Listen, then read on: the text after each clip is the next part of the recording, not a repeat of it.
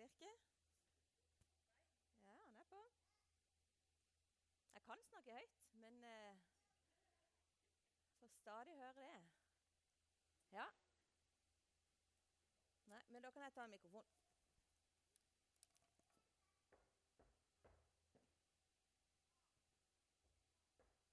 Hallo. God søndag. Mitt navn er Ellen Merete Drønen. Jeg jobber her i Salem som, eh, som ungdomspastor. Og er, Jeg har bare lyst til å si før, før jeg begynner på talen eh, at, Bare minne om det at det er konfirmantene som står for kirkekaffen i dag. Og det kom kanskje ikke tydelig nok fram, men vi samler inn litt penger fordi at vi skal til Romania i februar. Så hvis du har lyst til å være med og sponse oss, og sponse den eh, fineste raden i formiddag på den turen der, så er det kjempefint. Og det, du gir det du har lyst til. Eh, så er det i hvert fall mulighet til å betale både med kort og kontant der. Det er det sagt. Fint. Det er første søndag i advent. Og jeg elsker jula av mange grunner. Det har med mat å gjøre, og det har med hyggelig fellesskap å gjøre. Men jeg tror jeg vil si at de siste fem-seks årene, når jeg liksom har brukt livet mitt litt mye oppi her i Jutsus, og oppi i det å jobbe med tale, så kom jeg liksom aldri over det at Gud, som skapte himmel og jord, han lar seg sjøl bli født inn i sitt eget skaperverk. Det er helt vanvittig for meg. Han har lagd det, han har forma mennesket, og så lar han seg sjøl bli født som et. Og det er det, Hver gang jeg begynner å jobbe med de tekstene som hører jula til, så blir jeg helt sånn der Er det mulig? Ja, Det er jo ikke rart at vi stiller spørsmål med, for vi kan jo ikke dette. Men òg hvilken ydmyk Gud vi har, som er mer opptatt av fellesskap enn på et vis å være konge på haugen. Han kommer som en del av sitt eget skaperverk og lar folk behandle han sånn som de finner for godt. Det er ydmykt. Så jeg hadde lyst til å si det til, til innledning. Og så har jeg lyst til å lese, fordi at det er advent, så syns jeg at det passer seg å lese om julens budskap. Og jeg vil lese det ut fra Johannesevangeliet. Nå kan du få lov til å følge med på skjermen. Jeg leser fra kapittel 1, vers 1-5 og vers 9. Og bare så du vet det, bare sånn jeg får sagt det Du må være litt sånn open-minded for litt sånn poetisk språk her. For vi snakker om, Der ser du i begynnelsen var ordet. Og Hvis du ikke har lest dette før, så er kanskje det litt rart, men ordet er altså en metafor på, eh, på hvem Jesus er. Så når det står ordet, så er det han. I begynnelsen var ordet. Ordet var hos Gud, og ordet var Gud. Han var i begynnelsen hos Gud. Alt er blitt til ved han. Uten han er ikke noe blitt til. Det som ble til i han, var liv. Og livet var menneskenes lys. Lyset skinner i mørket, og mørket har ikke overvunnet det. Det sanne lys, som lyser for hvert menneske, kom nå til verden. Det er julens budskap at Gud sjøl kommer og vi leser at Jesus som kommer, han er verdens lys. Jeg skal si noe om det, men litt sånn der, hvorfor kom Jesus? Han kom fordi han elsker mennesket. I Johannes 3, 16 så står det For så høyt har Gud elsket verden at han ga sin sønn, den enbårne, den eneste, for at hver den som tror på han ikke skal gå fortapt, men ha evig liv. Og Jesus han sier om seg sjøl at menneskesønnen, altså han, er kommet for å leite etter de som er kommet bort, og berge de. Derfor kom han. Verdens lys. Og så leser vi Jeg er på innledning nå. Vi leser det at i lyset var det liv. Og så står det noe om mørket. Og da tenker jeg, Hvis lys er liv, så er mørket død. Er vi med på den metaforen, det bildet der? For det, er litt viktig for meg at dere skjønner det, for jeg skal bruke det masse. Ja, flott. I lyset er det liv. I mørket det er det død og elendighet. Og hvis det da var sånn, hvis vi tror det, at verden var ramma av mørke, at mennesket på et eller annet tidspunkt hadde forvilla seg vekk fra lyset, vekk fra livet, og roda seg inn i mørket Så kommer altså i julen Da feirer vi at lyset, selve livskilden, kommer tilbake til alle mennesker. Og hvis det er sant, hvis han kommer med lys der det er mørke, så vil jeg si at han redder oss, og det er riktig å kalle Jesus for redningsmann. Og jeg lurer på Hvordan ser egentlig mørket ut? Det er en litt sånn der uh, dyster vinkling akkurat nå. Hvordan ser egentlig mørket ut, bortsett fra at du ikke kan se det? Men hva, hvordan oppleves mørket? Og hvordan føles det å bli redda? Og jeg tenkte at vi skulle se et filmklipp. Fra september 2016. Det er nå i år. Det er i Aleppo i Syria.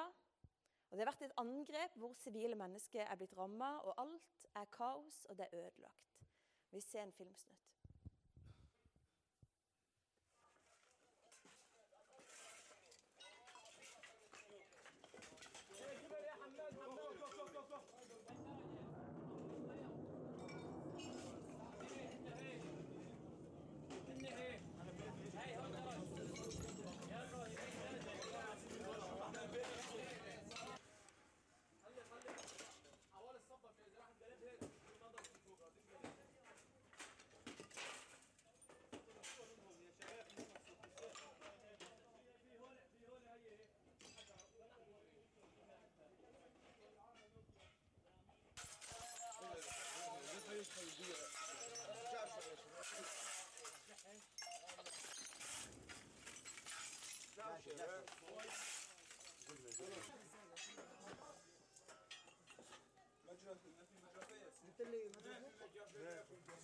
قاسم روحوا روحوا يا شباب لا تتكتروا يا شباب الحيطان نازله يا شباب. يا شباب لا حدا يوقف هون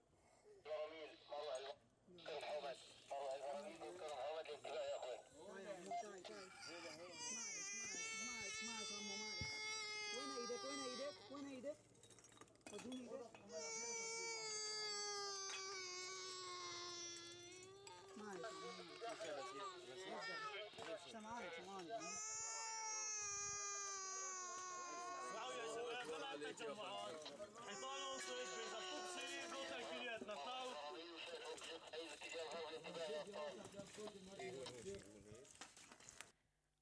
Det er ganske sterk kost. Den lille jenta ble, så vidt jeg har forstått eh, når jeg har lest det jeg kunne på NRK sin nettside, hun, eh, side, hun ble redda, og hun overlevde. Hun hadde dødd hvis ikke disse fantastiske redningsmennene hadde kommet og funnet henne. Og ikke gitt opp, selv om alt så ut som kaos. Og jeg tenkte med meg sjøl hvordan har hun hatt det når hun har ligget der, for hun har ligget nede i mørket? Hvordan er det for henne? Hvordan var det for henne å ligge der? Hun kunne ikke se noen ting, det syns jeg liksom kommer tydelig fram, for hun er helt nedgravd. Lå og tenkte at det kanskje kunne komme hjelp. Håpte hun det? Trodde hun at noen kom til å redde henne, eller trodde hun at hun kom til å dø? Og Hvordan var det å puste for henne? Det er veldig sånn, jeg vet ikke om du la merke til det, men det er liksom akkurat idet de tar tak i håret sitt og løfter opp, så kommer den der spede gråten. Hvordan var det å puste? Var det sånn? Eller var det helt sånn kvelingsfornemmelse? Kunne hun høre noen ting? Det er jo noe med mennesker som er i traume eller i sjokk. De mister jo nesten sanse av og til. Kunne hun høre at det var noen som ville redde henne? At det var noen rett i nærheten som ville og kunne redde henne? Klarte hun å tenke en eneste klar tanke? Når du er nedgravd, og det er mørkt, så er det noe som skjer med tankene. De blir litt annerledes. Og så er det noe med at gråten hos henne den kommer i det de har funnet nå. Og så er det noe med Jeg tenkte på det. Så rart det er med oss mennesker. Det er helt sikkert en sammenheng med at hun plutselig fikk luft, men jeg tenkte jo det at når noen plutselig ser vår smerte, så blir det plutselig nesten litt sånn ekstra vondt. Da kjenner du hvor vondt det egentlig er. Og Den lille jenta hun var i ferd med å dø, og livet holdt på å ebbe ut. Hun var i ferd med å gå tapt. Og jeg tenkte at mørket kan se sånn ut om ikke man ligger i en ruin i Syria. Så kan mørket for menneskene se sånn ut at du holder på å kveles.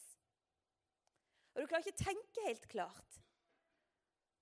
Og du er bekymra og tenker egentlig at nå holder livet på å renne ut av meg. Og det er ikke sikkert at man skjønner at det er noen rett i nærheten som kan og vil hjelpe. For det ser og føles så umulig ut. Sånn tror jeg mørket kan være inni oss og i vår liv.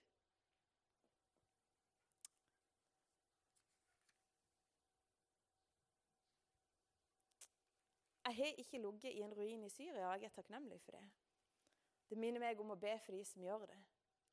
Men jeg skal fortelle om noe annet. En gang så gikk jeg meg vill. Jeg var på speidertur. og Jeg var åtte år, og jeg var en bjørnunge. For det er man på lista når man er åtte år. åtte-ni år. Jeg var bjørnunge, og vi var på speidertur på speiderhytta. Er, eh, det er et veldig flott område der. og Både storspeiderne og småspeiderne var, på, var eh, på, på, denne turen. Men vi som var bjørnunge, vi var på orientering for første gang. Og vi hadde med oss to ledere. Og når vi hadde gått et stykke, så er det jo det er noe med det Oi, guri, hvor langt det egentlig går an å gå i naturen. Og Noen av dere ble veldig slitne, og lederen bestemte at nå deler vi Nå tar vi tilbake de som er ordentlig slitne. Og så gjeng han ene han sånn, ok, da tar jeg de. Alle som vil gå tilbake til hytta, dere går med meg. Så gikk de. Jeg burde jo garantert vært med den gruppa der, men jeg var litt for eh, altså i tidlig alder stolt og tenkte ikke tale om. Jeg skal være med på den tøffeste gruppa. Så jeg ble med i gruppe nummer to med en superaktiv leder og med noen andre barn, Steffen og Linda eh, bl.a., som hadde megakondis. De ville helst løpe videre. Og jeg hang jo etter med tunga ute så godt jeg kunne, helt til lederen så at nå henger Ellen Merete i en tynn tråd. Så han stoppa opp, og så sa han Ellen Merete, nå er det sånn at de skal få lov til å løpe en ekstra tur opp, oppi der. Men hvis du vil, skal han være grei, hvis du vil, så kan du få lov til å gå tilbake til hytta. Ja, jeg var dødsglad. Og så sier han ja, du vet veien. Det er jo bare rett rundt svingen. Og så er det den stien som går innover jordet. Og så går du bare ned bakken, og så er du på hytta. Det er ikke langt herifra. Ingen problem. Og så gikk de, eller de løp, og igjen sto jeg. Og jeg visste veldig godt Jeg har ikke peiling på den stien her. Og jeg aner ikke hvilken bakke han snakker om. Men jeg får bare gå. Jeg skjønner det sikkert. Så jeg begynte å gå. Og jeg gikk og jeg gikk. Og jeg hadde gått en stund. Så skjønte jeg, jeg var ikke gammel, men det skjønte jeg, at jeg har gått forbi den stien. Og nå har jeg runda en hel del svinger. Antageligvis så har jeg gått feil. Og gråten tok meg.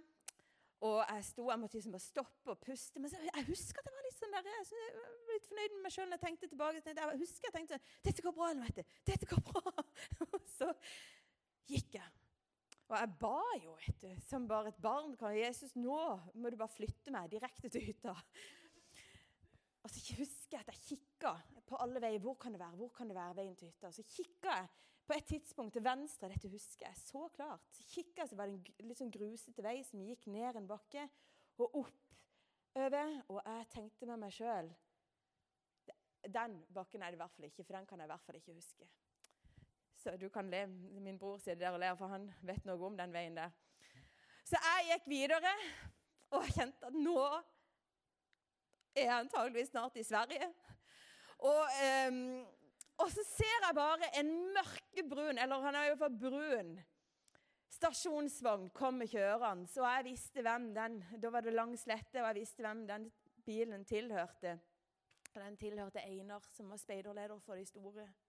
Og Jeg var ikke redd for Einar, men Einar var en slags legende blant bl.a. min bror og hans sine kamerater. Og så så han litt bøs ut. Han var liksom høy og hadde skjegg og bart og cowboyhatt og langt hår og militærjakke. Og eh, han hadde liksom røyk i munnen og samekniv på sida og en ulvehund, bare for å toppe. Så han, han hadde liksom et sånt uttrykk som gjorde at du, du sto litt på avstand de første gangene. Jeg visste at det var hans bil. Så jeg gjorde det eneste som jeg tenkte var fornuftig idet han kom, og det var dette. Jeg gjemte hodet så godt jeg kunne, for jeg tenkte han skal ikke få sett at jeg ikke har peiling på å orientere meg fra der til der. Det skal ikke han vite om meg. Så jeg bare sto sånn. Men Einar så jo meg. Han skjønte jo hvem jeg var. Så han kjørte litt sånn, og så rygga han tilbake. Og så var kona på sida, og så åpna døra, og så sa bare 'Skulle ikke du ha vært på hytta nå?' Bare hopp inn. Så hoppa jeg inn. Og så fikk jeg faktisk lov til å sitte ganske stille i baksetet. De sa ikke så mye, og det var veldig godt, for de skjønte nok at jeg trengte å samle krefter til å møte de andre. Jeg var ikke så redd for Einar etterpå det. Han ble faktisk en av mine viktigste voksne i livet. Men jeg tror at mørket kan være litt sånn, den følelsen av å ha gått seg vill. Og bare kjenne det at nå skulle jeg klare meg på egen hånd, men det gikk. Det gikk på trynet. Det å kjenne at en forviller seg. Og jeg tror at det går an å gå seg nesten vill inni oss sjøl. Jeg tror at plutselig så går jeg meg vill ifra å være en god utgave av meg sjøl. Og plutselig så har jeg rota meg inn i å være en slags utgave av meg sjøl som er litt surere og litt mer irritabel og litt mer furten. Eller litt mer hissig. Litt mer kritisk. Litt kjappere, litt kvassere når jeg møter Isak på kontoret. Litt mer kjeftete når jeg møter konfirmantene på en onsdagskveld. Så blir jeg Jeg forviller meg ifra å være den jeg håper og ønsker å være. Jeg tror at det går an å rode seg bort. Og jeg tror at det går an å rode seg vekk. Det går an Noen roder seg bort i andre mennesker enn partneren sin. Noen mennesker, noen av oss begynner å lyve litt. Og så gikk vi bort fra løftet som vi hadde gitt til noen som vi var glad i. Noen roder seg bort i rusmidler, noen roder seg bort i penger. Vi roer dere vekk fra vår egen glede. Vi roer dere inn i bekymringer. Vi roer dere inn. Og plutselig så er bare alt kaos, for det er angst og irritasjon. Og vi går oss vill, og Bibelen sier at vi for alle vill som sauer. Hver tok sin egen vei. Og da tenker jeg at det er godt at den redningsmannen som kom, har lys inn i det mørket. Hvor vi egentlig bare kjenner at nå trenger jeg egentlig bare å bli meg sjøl igjen.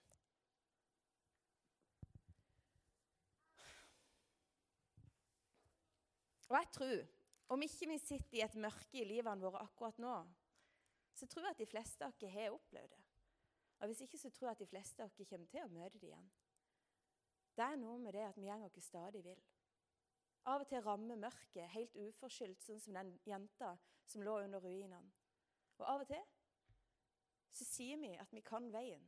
Jeg fikser dette. Og så går vi oss vill. Ifra det vi egentlig ville. Og ifra det mennesket vi egentlig har lyst til å være. Og da tenker jeg at vi trenger han som setter oss i rett kurs. Og jeg tror at hans innstilling til oss det er å sammenligne med de redningsmennene som var med den jenta. De som ikke gir opp. Jeg tenker at Han så at verden lå i grus. Alt er kaos. Og hvis ikke jeg kommer nå, så ebber livet til menneskene som jeg elsker så høyt, ut. Og så kommer han. Og så gir han ikke opp selv om alt ser dødt ut. Jeg tror han gjorde det på et vis i den store sammenhengen så redder han oss med å komme. Og i vårt enkelt, hver vårt liv så tror jeg at han har den samme innstillinga med at han ikke gir opp. At han stadig graver. At han stadig holder under hodet vårt. Det er liksom bare, bare pust, du. Pust. Og så skal jeg ta vekk de steinene. Så skal jeg ta det som er tungt, det som tynger deg ned, og som gjør at du kjenner at du klarer ikke å samle tankene dine. Jeg skal ta det. Bare pust, du. Min elskede. Det tror jeg er hans innstilling. Og jeg tror Hvis jeg sammenligner med bilen som stoppa, så tror jeg at han, akkurat som Einar gjorde, sier Bare hopp inn. Det er ikke noe å snakke om. Vi bare hopper inn. Og så tror jeg, for de av oss som syns det er veldig godt med en god klem med en gang De av oss, jeg gjør jo ikke det. Jeg jo, hvis jeg skal innrømme at jeg har gått feil, så trenger du ikke komme i nærheten, for jeg syns det er så forferdelig å bli avslørt. Men jeg tror av og til at det er sånn at han bare lar oss få lov til å sitte. Sånn som jeg fikk lov til å sitte i baksetet. Det er ikke alltid ord. Men det er bare til å sitte og samle krefter. For det er tungt nok å skulle møte resten av verden med en erkjennelse, vel vitende om at eh, jeg gikk ikke der jeg skulle.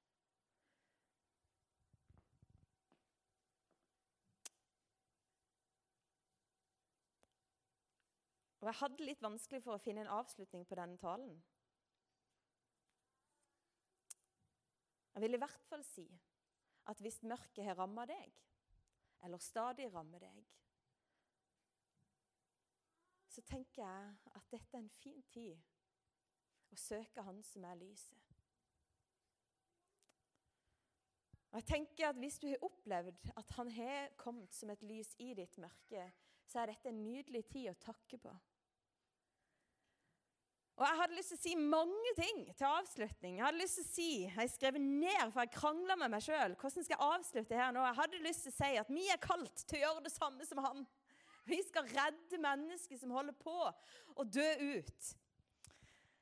Jeg hadde lyst til å si det, at vi kan hjelpe mennesker fra mørke til lys. Og at vi av og til kan bare stoppe og si 'hopp inn', og så snakker vi ikke mer. Så kan vi droppe alle ordene og bare godta at nå er alle i bilen. Helt topp. Men jeg kom til dette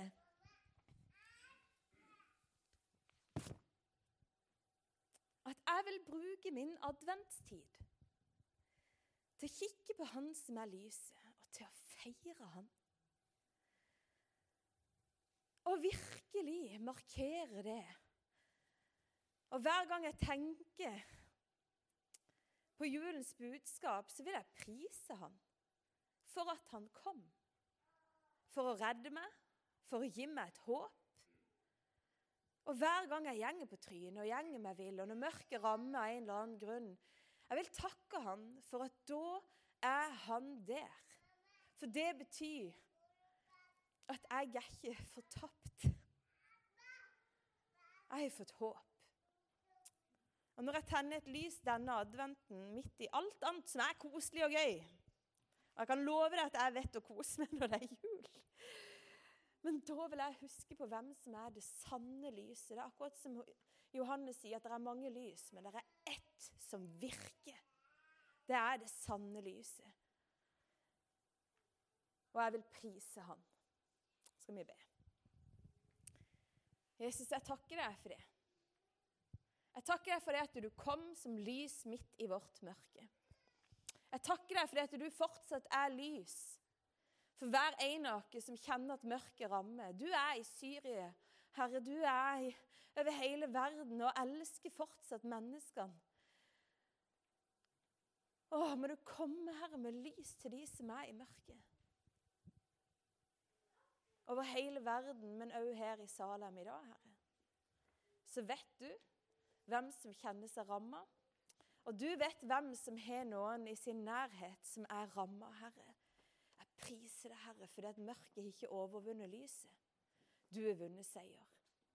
Og jeg takker deg, Herre, for at du ikke vil la oss gå tapt. Og jeg takker deg for at du leter etter det som gikk seg vill. Jeg vil prise deg, Herre. Du skal ha så mange takk. I Jesu navn. Amen.